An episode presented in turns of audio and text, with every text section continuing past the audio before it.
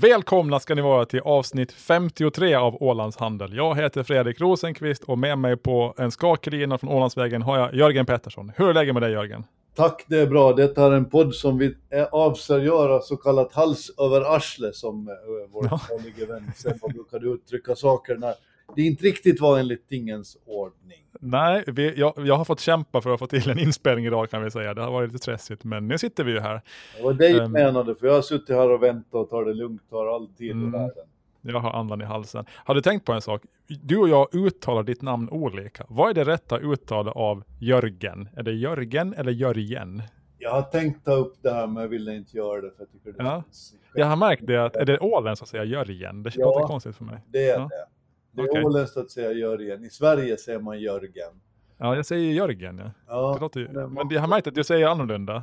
Man får ju säga om man vill det där alltså. Det är så är det ju. Jag, bör, jag, jag börjar säga Jörgen när jag ringer till Sverige eller när jag ringer internationellt. Jaha. Folk begriper det enklare då. Säger man Jörgen så tror de att man har kroppsljud.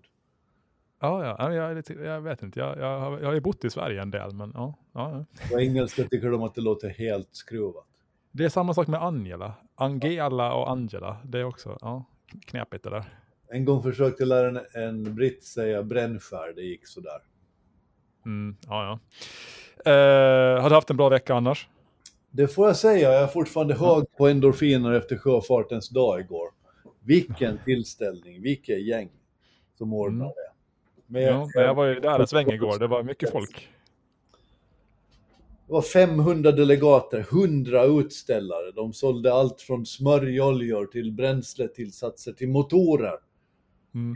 fartyg, till allt du kan föreställa dig. Kaffe, allt. Det var en, eh, en marknadsplats av dess like. Så där. Det, var, det var en bild av, av kapitalism och, och, och framåt anda faktiskt. Ja. Ja, härligt. Eh, vi, ska prata, vi ska prata mer sjöfart lite senare. Men vi ska börja med banker. Det är ett litet favorit, favoritämne här. Eh, ja. Uh, Ålandsbanken inleder ju nu återköp av, av egna aktier för 10,5 miljoner euro. Eh, det är mycket pengar som ska pytsas ut. Ehm, ja, vad tänker du om det? jag tror väl, i och för sig så tror jag väl att det är bra för, för man ger ju ut aktier för att man vill stärka sitt eget, sitt eget kapital och, och blir man så stark att man inte behöver ha en massa aktier ute så är det väl okej då att man Mm. erbjuder de som vill sälja möjligheten att göra så. Ja. Ja, det finns ju väl egentligen två sätt för, för företag att dela ut vinster till ägarna. Det ena är att dividender och det andra är att man köper tillbaka aktier. Uh, man har ju delat ut dividender och nu köper man tillbaka aktier. Det är inte lika vanligt här i, i, Norden och, och Åland. Man gör, det I USA det är mycket vanligare. De stora techbolagen de köper ju mest tillbaka egna aktier. Det har ju egentligen samma effekt som en dividend. Men, så ja, det är mycket pengar som kommer in i det åländska samhället tack vare att det går så bra för Ålandsbanken. Och sen Andelsbanken och... Ja vad blir effekten vanligen av det där du som säkert har forskat i, i fenomenet? Blir effekten det att bankens eh, förvaltning blir starkare på bekostnad av ägarna eller hur funkar det? Nej, alltså återköp av egna aktier, det gör ju att om du väljer att behålla dina aktier, då det blir ju en, en omvänd utspädning. Alltså det, din, din aktie är ju, blir ju på sätt och vis värd mer eh, då. Eh, och sen kan man ju använda de här aktierna till förvärv och sånt, så att det, det är gynnsamt för, för aktieägarna att, att ett, en, en, ett bolag köper upp egna aktier. Man vill ju se det helt enkelt. Och det, aktien stiger i pris och allt möjligt, så att det, det är bra för alla som äger aktier. Helt enkelt. Det, det, det gillar vi. Vi gillar allt där folk får, bestäm, får, får det lite bättre och får möjlighet att göra annat med sina pengar. Jo, de kommer ju ut i samhället de här pengarna. Det kommer ju alla till del. Och jag såg även att Andelsbanken ska höja det här avkastningsmålet för sina avkastningsandelar från vad det, 3, vad har de haft? 3,35 procent kanske 3,25 till 4,45. Så det är också mer pengar som kommer ut i samhället. Så att ja, det är bra att de inte sitter och pantar på dem, de som det går bra för. Absolut. som- Man, man ja. kan inte dock släppa tanken på att de som hittills verkar ha tjänat bäst på pandemin är bankväsendet. Mm. Nej, men det, det, det finns ett par eh, coronavinnare på Åland. Vi, vi kommer att återkomma till dem tror jag i nästa nummer av, av tidningen Ålands Handel. Men banken är ju alldeles uppenbarligen det, det mest lysande exemplet på, på coronavinnare. Och, ja, det är ju liksom inte så att, att det går bra för dem. Det sänker ju inte någon annan, tvärtom. Så det är bra om, om, om folk får dividender och sådär. Så. Kul. Absolut det. Det kan uppfattas som möjligen lite stötande ifall man hör till dem som har förlorat sina jobb eller annat. Jo. Sådär, Jo, eller måste betala bankavgifter. det gillar man ju inte. Till exempel, de känns ju lite sådär. Jag brukar tänka så, ja, om man är arg över det, köp bankaktier. Ja, så är det faktiskt. Då ska man Ja, påverka. så, ja, de är inte dyra. Eh, en verksamhet som det också lite oväntat går bra för är New York Times. The failing New York Times som Donald Trump sa, han, han menar ju på att de bara ljög och att det gick på tok för dem. Det går allt annat än på tok för dem. Jag, jag såg i det en intressant artikel häromdagen att de, deras aktier har stigit med 1200 procent sedan bottennoteringen strax efter finanskrisen och att de idag har ett P tal på 40, det vill säga de värderas till 40 gånger årsvinsten, vilket är en högre värdering än både Meta, som ju Facebook heter då, och, och Netflix och andra heta bolag. Det är hett med tidningar helt enkelt. Roligt. särskilt överraskad måste jag säga. Jag fattar aldrig riktigt varför man var så negativ mot New York Times. För, för tänk varumärkesmässigt, finns det egentligen något starkare varumärke i världen? Mm. Alla vet vem New York Times är. Eller vad Ja, det är. ja, precis. Och de, de har väl liksom, kanske tog hjälp av Trump. Jag, tror, jag, vet, jag vet många som tecknar prenumerationer bara för att de var arga på Trump, även på Åland liksom. Ja. för att stödja och sådär. Uh, så här, liksom ganska folklig analys i det också, varför det går bra. Det är liksom inte bara nyheter där tunga, utan det är även korsord, matlagning och poddar minsann. Jag tror ju att New York Times, de är en sån här som, de, de, de är ju omstridda med jämna mellanrum, för de har högre krav på sig än egentligen alla andra. Om Mm. de gör bort sig, om de har någon lirare där som copy-pastar andras artiklar, så brakar ju allting lös över hela världen. Ja. Det som Ja, händer egentligen på tidningar lite varstans nu och då när journalister är lite för lata. Medan Mm. de har gjort en ära i att allt som står där ska vara sant. Mm. Och säger man det så då sticker man ju ut hakan ganska mycket. Men, Mm. men, och, och i vanliga fall skulle ingen bry sig om det är sant eller inte. När det kommer till New York Times, då plötsligt så blir det hoola Mm. baloo överallt. Och jag tycker de har hanterat sitt varumärke rätt väl faktiskt. Mm. Eh, vad är din bild av amerikansk journalistik? Är det den bästa journalistiken vi har, alltså kvalitetsmässigt? Eller vad är den, hur, vad, vad, vad, vilken bild har du av den? Ja, de jag har lyssnat till, alltså de reportrar och de eh, redaktörer som jag har haft förmånen att lyssna till genom åren så tycker jag faktiskt att de är rätt överlägsna. Mm, jag håller med. Och det är ju kanske det är en, ett land där man kan ta till sig språket och ett väldigt, väldigt stort land. liksom, det är ju, Ja, de har dessutom, ja de är stora plus att de har ju en, en extremt utvecklad demokrati. Det Mm. har de. Alltså de, de, är, de, de har transparens på ett sätt som ingen annan har. Och, och de har ju de har ju det bästa och det sämsta nästan alltid. De har haft de Mm. bästa presidenterna i världen, de har haft de sämsta, de har haft de bästa teknikgrejerna, de har haft de värsta. Och samma sak är det väl med journalistik, de har de bästa och de sämsta. ja. Jag tycker att det är en rätt skön inställning. Ja. Men det är ganska skönt för det, det är ju en sån här slentrian-åsikt som man, man sån där alla, alla Hans Rosling att det går dåligt för alla tidningar. Det kanske folk går runt och tror. Det är ju inte så. Eh, och det är roligt. Och, är, och USA brukar ju ofta vara en bild av hur det kommer att se ut här om tio år. så att, ja. Jag tror mycket på det där med starka varumärken, vad man har åstadkommit genom åren. Och, då, då försvinner inte det bara över en natt, för folk kommer inte att ledsna på information. Det kommer aldrig att hända. Nej. Det är snarare Nej. hur du tar vara på det och hur du förädlar det. Mm. Eh, på tal om star starka varumärken, vad, vad har du för förhållande till Rolls-Royce? Du som är dessutom i sjöfartssvängen. De, de, gör, de gör fartygsteknik Ja, Och- sätt.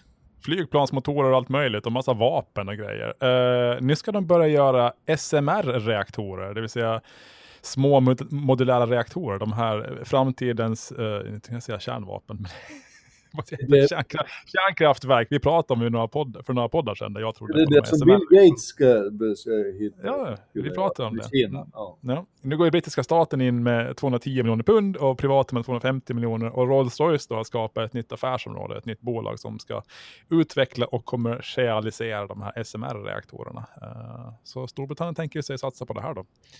Jag har Kärnkraft. alltid tänkt så här med, med reaktorer, alltså varför man inte driver mindre farkoster och, och, saker med, med kärnreaktorer av det skälet att du sätter dem i, i atomubåtar. Mm. Och tänk, då, då sätter du det frivilligt i en, i en konservburk som kanske är 200 meter lång, som dyker ner till 1000 meter och den drivs med en atomreaktor. Mm. Om man kan hantera sånt under sådana förhållanden, varför kan man inte göra det under betydligt mer tryggare omständigheter? Jag- det är det som är frågan. Sen noterade jag även i insändarspalterna i Åland att det var en, en, en jag tror visserligen en anonym herreman eller kvinna som argumenterar för kärnkraftverk som drivs av, drivs av vad heter det, torium. Torium, torium, Okej. istället för uran. Han menar att det här är mycket säkrare och bättre och effektivare. Och, så där. och det håller ju Kina på och tittar på. Jag som äger fysiskt uran tycker det här är en jättedum idé. Men det, det händer saker. Om det börjar komma anonyma insändare på, på, i ämnet så då, då ska man hålla i hatten. Det kan hända Ja. vad som helst då. Ja, jag noterar även att fin, de, fin, de gröna i Finland, alltså Finlands typ miljöparti, de, de inför det här toppmötet i, eh, vad heter det, Glasgow, så ställer de sig positiva till kärnkraft och sådär. Så det, det rör på sig där ändå, miljörörelsen och kärnkraft. Det är en, en, en liv, liv, levande debatt kan man säga. Frankrike går ju in stenhårt för kärnkraft nu. Då. Jo, jo, de är ju de, kanske det land, land, främst land i världen, alltså där det finns högst kunskap om kärnkraft, vad jag har förstått det som. Det är ju lite lustigt. Lyxvaror, viner och kärnkraft, det är Frankrike. Och av ren princip så ställer sig eh, Tyskland eh, negativa till det. Eh, absolut. Vissa saker förändras alltid. Visst är det konstigt på något sätt. Ja, jag, jag är positiv till kärnkraft. Eh, jag är inte lika positiv till bitcoin. Jag gnäller på bitcoin hela tiden. Men jag hörde en intressant sak häromdagen. Hur, hur bitcoin och kryptovalutor kan vara en lösning på att skapa större stabilitet i vårt energisystem och, och elnät. Kan du gissa hur? Om man slutar utvinna dem så blir det en massa kraft över. Men du vet, vindkraften är ju problem. För det, det blåser så in i helsike. Då producerar vi massor med el. Eh, och då finns ett överskott av el i systemet. Men det är så dyrt att stänga ner vindkraftverk. Så då, det gör ju att elpriset blir negativt. Men man, man matar ändå ut det här och tar torsken för att det, det blir dyrare att stänga ner. eh, helt enkelt. Har, vi har det problem med, med negativa elpriser. Ja. Ja, det är den- särskilt vanligt men det finns. Nej men det, det förekommer och det är ju liksom man skulle gärna vilja ha ett sätt, var, var, var ska vi kunna mata den här elen om man producerar överskottsenergi? Även om man har liksom ett stort företag som har solpaneler på taket. Man vill inte mata ut en el i systemet för då måste man betala skatter och allt- möjligt annat. Det, man, vill- man vill inte. Liksom. Därför underdimensionerar man ju allting. Men eh, man skulle kunna göra så att man, eh, i, eh, liksom, tänker att Åland bygger jättestora vindkraftverk, eh, minar bitcoins när det är låga elpriser. För det drar jättemycket ström. Så istället för att mata ut den här överloppsenergin i systemet så har man en datorer och servrar som minar bitcoins som man matar i strömmen i när det är billigt. Det låter som en smart idé tycker jag. Det kan du släppa tanken lite på att vi kanske gör en massa onödiga saker som gör att vi behöver sådär himmelens mycket energi. Ja, jo. Som till exempel mina bitcoins. Det. Jag är en... Man har ju funderat på det där, liksom, vad man ska göra när det, när det uppstår överskottsenergi. Var, ska- var ska man göra av det? Ja, mina bitcoins. Jag, jag säger inte att man borde göra det, men det är en liten spännande tanke. Då blir ju bitcoin istället för att vara liksom, eh, miljödåligt, miljöbra. Men ja. Så Det- kanske det man ska göra. jag, Ekerö. kan, jag kan ge dig det i den där diskussionen att, att det, det i vart fall så skulle det vara en förklaring till varför värdet på bitcoin stiger så som det gör. Mm. För då skulle det finnas någon som kanske har sett samma möjligheter. För annars är det inte jättelätt att förklara varför bitcoin når års högsta, all time high högsta varenda dag nästan. Mm. Ja, ja. Så vi får se, det kanske kommer lite bitcoin mining här på Åland. Nu kanske de tar mitt tips här och gör det, de här Ålands vindenergi och de. Då kommer vi till få problem med elförsörjning och gissar bredbandsanslutningar. Jag trodde, att, jag trodde att toppen var nådd när alla satt hemma och lirade eh, Playstation. Ja. Ingenting mot vad som händer nu. Ja. Mm. Eh, ett annat av mina favoritämnen är inflationen. Jag vill bara notera nu att USA i oktober upplevde sin högsta inflation på 31 år. 6,2 procent på årsbasis. Det är du. Men där var ju det jag lyfte förra programmet redan, att hyperinflation är någonting som vi snart kan börja räkna med. Ja. Det det, det lutar åt det hållet. det är Eh, rätt svårt alltså, men det är inte omöjligt. Ja, det är väldigt mycket prisökningar nu. Jag lyssnar på en sån här conference call, ett sånt här bolag jag, jag äger aktier i, som gör leksaker. De är så här amerikanskt, de är i Louisiana, de pratar jätteroligt där, breda amerikanska. Och då fick jag en fråga just om det här med prisökningar och om, om de liksom tänker föra över de här på konsumenterna. Då sa, jag ska inte härma honom på engelska, det blir bara pajigt, men han sa att man har aldrig någonsin sett så här inflation och man måste föra över det på konsumenterna. Allt annat är otänkbart. Så att, ja. Det där är ju, det där är ju precis det som vi, vi redan varnade om. Det, det, det kan hända att vi blev först igen. Mm, vi är smartare än de här riksbankscheferna. Allt tyder ju på det. Och framförallt är ödmjukare. Men alla... Framförallt är ödmjukare, jo. Oh, herregud. Mm. har, du, har, du köpt in, har du köpt några av Elon Musk Tesla-aktier förresten? Han är, han är... Jag gick in och röstade. ja, Elon Musk la ju ut, för det som, er som inte har, har följt det, var det för exakt en vecka sedan, så la han ut en omröstning på Twitter om man skulle sälja 10% av aktierna i Tesla. Han äger väl tror jag 17% totalt. Så han skulle sälja ut över halva sitt innehav. Och, och han sa att han skulle göra som, som folk kom fram till. det var den största online-omröstningen någonsin tror jag, åtminstone på Twitter. Det var miljoners miljoner människor som röstade. Och det, det blev då ett ja att han ska sälja de här aktierna. Uh, och det har han börjat med nu. Han har sålt aktier för flera miljarder. Ja, alltså, ja, ja, jo, så att man, man, om man har köpt Tesla-aktier på sistone så kan man äga en aktie som Elon Musk tidigare har ägt. Bara en sån sak. Finns de till pappers överhuvudtaget? Har man alls pappersaktier i så stora bolag idag? Nej, nej, nej. De finns alltså inte, utan du köper nej. någon slags kryptovaluta. Egentligen ja, men det är som, kryptovaluta det där också. Det är som pengar. Det finns ju inte sedlar som motsvarar, motsvarar hela penningmängden. Pengar är i första hand ettor och nollor. Då är ju allting egentligen kryptovalutor då? Mm, ja, inte riktigt. De är digitala på sätt och vis. Uh, digitala ja. valutor. Ja. Mm. Um, så att, mm. Vet du varför han sålde sina aktier? Behövde pengar. Behövde han behövde pengar för att betala skatt. Deg som alla andra. Ja, han måste betala skatt. Han, han har ju aldrig tagit ut någon lön, Elon Musk. Uh, och nu har han har ju en massa så optioner som man får köpa aktier för en billig peng. Sådär. Och det måste han skatta för. Han har inga pengar så han måste sälja aktier för att betala skatt. Det är han lite arg över. Um, så. Det är ett elände. Mm, det är ett elände, elände ja. han har. Man vi tycker att vi Kanske man borde starta en insamling eller någonting. Ja. Vet du, uh, vi kan ju ta det nu. Det var ju uh, Skattetoppen publicerades tidigare i veckan på Åland, det vill säga där man ser vem som tjänar mest uh, det, gångna, det föregående året. Vet du vart Elon ska hamna på den listan? Världens rikaste man. Nej, jag har faktiskt ingen aning. Sist. Han tjänar ingenting. Han, han lyfter ingen lön och Tesla delar inte ut någon dividend, så han har inkomst noll. Han finansierar sitt levande genom lån. Han lånar pengar. Oh. Och köper sina hus för att flyga för. Han, han, han har inga inkomster. så att, ja, bara en sån sak. Tänk att världens rikaste man skulle vara den fattigaste på Åland. Det säger väl ganska mycket om hur Seriös skattetoppen. Ja, det är lite sådär. Men det, och det är, det är ganska vanligt bland de ultrarika i USA, alltså som har sin förmögenhet i bolag, som inte delar ut pengar, vilket många av de här bolagen inte gör. De, de har inga intäkter, de lånar därför pengar med aktier som säkerhet för att finansiera sitt leverne. Det är lite sjukt. Världens rikaste man måste gå till banken för att kunna köpa mat. Nu har du sagt världens rikaste man två eller tre gånger. Ja. ja. Varför säger man så?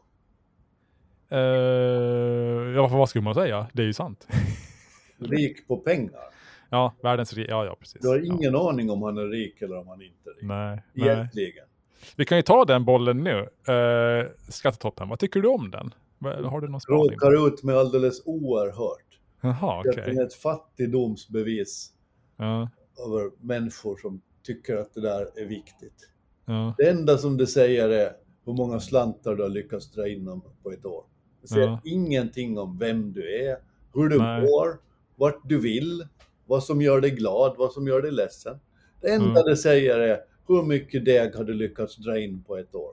Ja. Jag tycker det är ofattbart tråkigt. jag är glad när man, när man gav möjligheten till folk, för det är, ju, det är ju på gränsen till lite integritetskränkande också. Det varje år så är det någon stackare som hamnar där som ska börja förklara varför man plötsligt har fått in lite mer pengar än annars. Mm. Och, och, och, inte sällan så är det med en ton av missundsamhet eller misstänksamhet att ja, hur har det här gått till då? Mm. Och så gav man möjligheten då att man skulle få avsäga sig denna, denna offentlighet för sina inkomster. Och vad gör tidningarna då? Jo, då publicerar de namnen på de som har valt att, att avsäga sig denna offentlighet. Och därmed så blir det dubbelt misstänkliggjort att jaha, ja, de här vill inga berätta. Men de, de, de publicerar väl också uppgifterna? Uppgifterna och eh, att de inte egentligen vill ha dem med. ja, jag tycker att det är så, det är så sorgligt. Och varenda ja. gång, var, varje år, så publiceras det en ledartext intill som förklarar varför det är viktigt att publicera hur mycket, folk, hur mycket pengar folk tjänar. Alltså, jag har säkert, så, jag har säkert andas så mycket dåligt samvete att det jo. finns. Jag, jag har säkert också skrivit en sån ledartext. Ja, jag med, med hund med säkerhet. Ja. Så jag drev skattetoppen i säkert 15 år, alldeles bokstavligen, Mm. När man måste skriva ner alltihopa på Ålandstidningen. Ja. Nej, jag, och jag drev den väl i, vad kan det ha varit, 6-7 år kanske. Eh, och jag, jag, jag, ska erkänna att det, det, kände jag väl då, det kände jag nu också, att det är ju, man kände liksom att det här är integritetskränkande när man höll på med det, det gjorde man. Ja, eh, men allmänintresse var ju också väldigt otroligt stort, för jag kan erkänna att jag, jag, jag är som ett litet barn när den kommer, jag tycker om att läsa den. Eh, men samtidigt så är det ju, dels integritetskränkande och dels också lite så här farligt. Alltså för de som är där på listan, om man tänker liksom risken att bli utsatt för rån och, och kidnappning och allt sånt. Nu är det kanske inte så att man behöver vara ett geni för att lista ut vem som är värd att kidnappa på Åland och sådär och råna. Det, det, behöver man kanske inte därför, men ändå. Det är lite sådär. Ja, jag har ja. blivit aven med det. Jag, jag gjorde den med stor lust under många år, inte det fråga om mm. det. Mm. Men jag har faktiskt tänkt om, jag tycker att den är urbota trist och jag känner varenda gång som att man kikar in genom nyckelhålet. Mm. Jag tycker fortfarande den är rolig, men jag, det är lite sådär, ja. Men det är väl också med det här GDPR och allt det där integritet har ju blivit viktigare på senare år. Det är liksom som man kanske värdesätter det på ett annat sätt nu. Och sen är det ofta så här, jag tycker det är okej okay det känns bra när man läser att det, jag menar, det är folk som har jobbat och driver företag och, och, har krävande jobb och allt det där och ser vad de tjänar. Det är intressant. Sen är det ju ofta sådana som hamnar där som gör det eh, på grund av att någon nära släkting har dött eller någonting har hänt privatlivet. Att de har fått en stor intäkt, eh, kapitalintäkt på grund av det. Då. Och det, det känns ju sådär. Alltså. Uh, man, ibland så får man den känslan när de ringer upp någon. Och, Hur kommer du säga att du har tjänat så mycket pengar i år? Liksom, vad ska man säga? Min pappa då liksom. så, och sen har du också den, den vinkeln på det hela att den heter skattetoppen men det handlar ju väldigt lite om skatter. Det är ju Nej, intäkterna som det är fokus på. Ja, det är in, intäktstoppen. Så att, Skulle man ha, kalla den för skattetoppen och verkligen slå fast att de här hundra betalade mest skatt av alla, mm. då har det plötsligt ett riktigt allmänintresse. Ja. Eller om du skulle göra en fördelning i att så här går inkomsterna till män respektive kvinnor. Mm. Då har du också plötsligt en slags allmän, allmän ja. giltighet i det hela.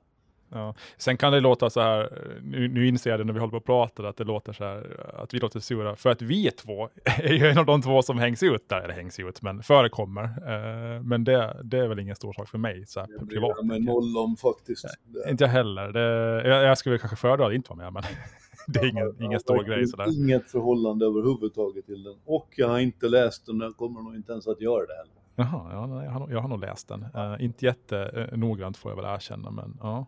Kommer inte att ske.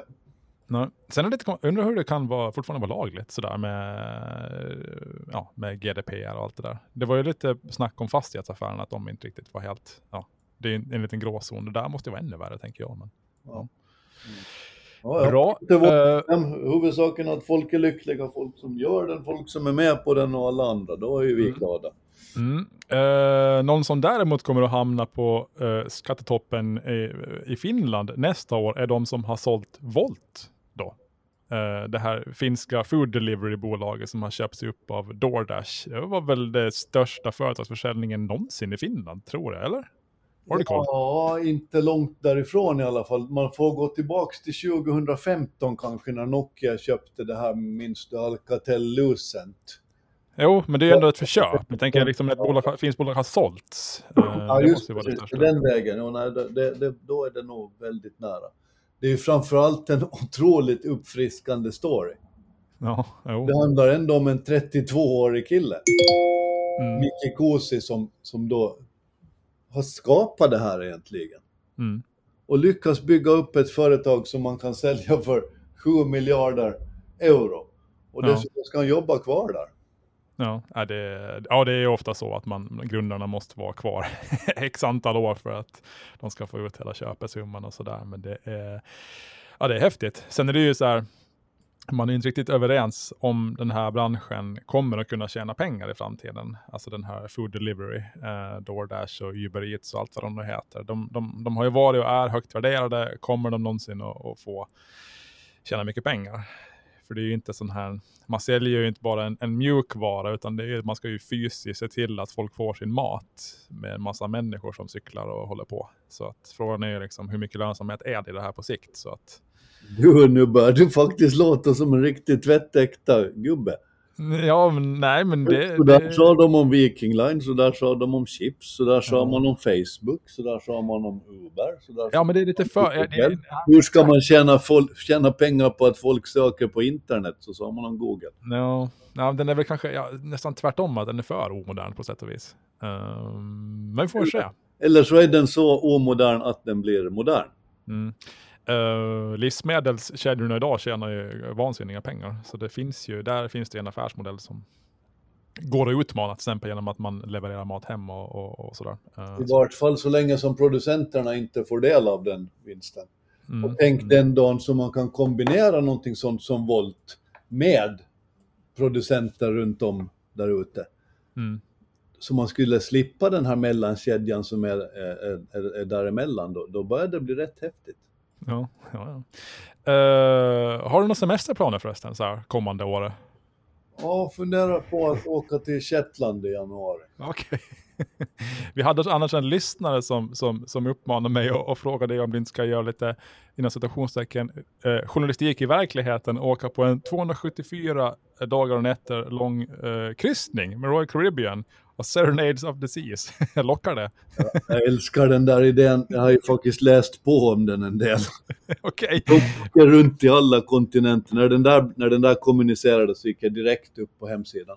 Ja. De åker runt till alla kontinenter. De kommer till se 12 eller vad det är 14 av världens riktigt, riktigt stora sevärdheter. Mm. Så du får på, på dessa 274 dagar får du egentligen se allt. ja. Det, det är otroligt lockande. Ett dilemma är att där finns inga prisuppgifter. Man ska eh, ringa in och säga om man är intresserad. Och, och jag befarar att det hör till, till de där sakerna som om du måste fråga vad det kostar så har du kanske inte råd med det. Men Hel- Hello, this is Jörgen from Åland. what, what, what is the price? om man skulle kunna få en, en pressbiljett då, då ställer jag upp. Ja, Okej. Ålands sjöfart 200 nio månaders långt reportage. Det var helt okej, jag skulle leverera en rapport varje dag, det skulle kunna vara värt. Ja, fast medelåldern på den här kryssningen måste ju vara 95 typ. Ja, men det, ja. Tuff. Min erfarenheten säger det att den är rätt hög den där. Och jag tycker det är uppfriskande, för sitter du hemma med en jädra massa pengar, Mm. du inte riktigt vet vad du ska göra av med, släktingarna dina vill inte riktigt håll, hör, höra av sig till dig och du sitter där i Melbourne eller någonting och inte riktigt vet vad du ska göra. Då är ju det här en helt otrolig idé. Då. Visst, att bara åka runt och, och vara. Mm. Ja, nej, jag skulle ju absolut göra det om jag var en rik pensionär. Eh, nu är jag varken rik eller pensionär. Men, Jag tycker vi har det som mål nu. Nu kommer jag rent matematiskt att dö lite innan du gör det. Men ja. vi kunna synka det där på något sätt så, så drar vi tillsammans någon gång. Det där vore ju kalas det.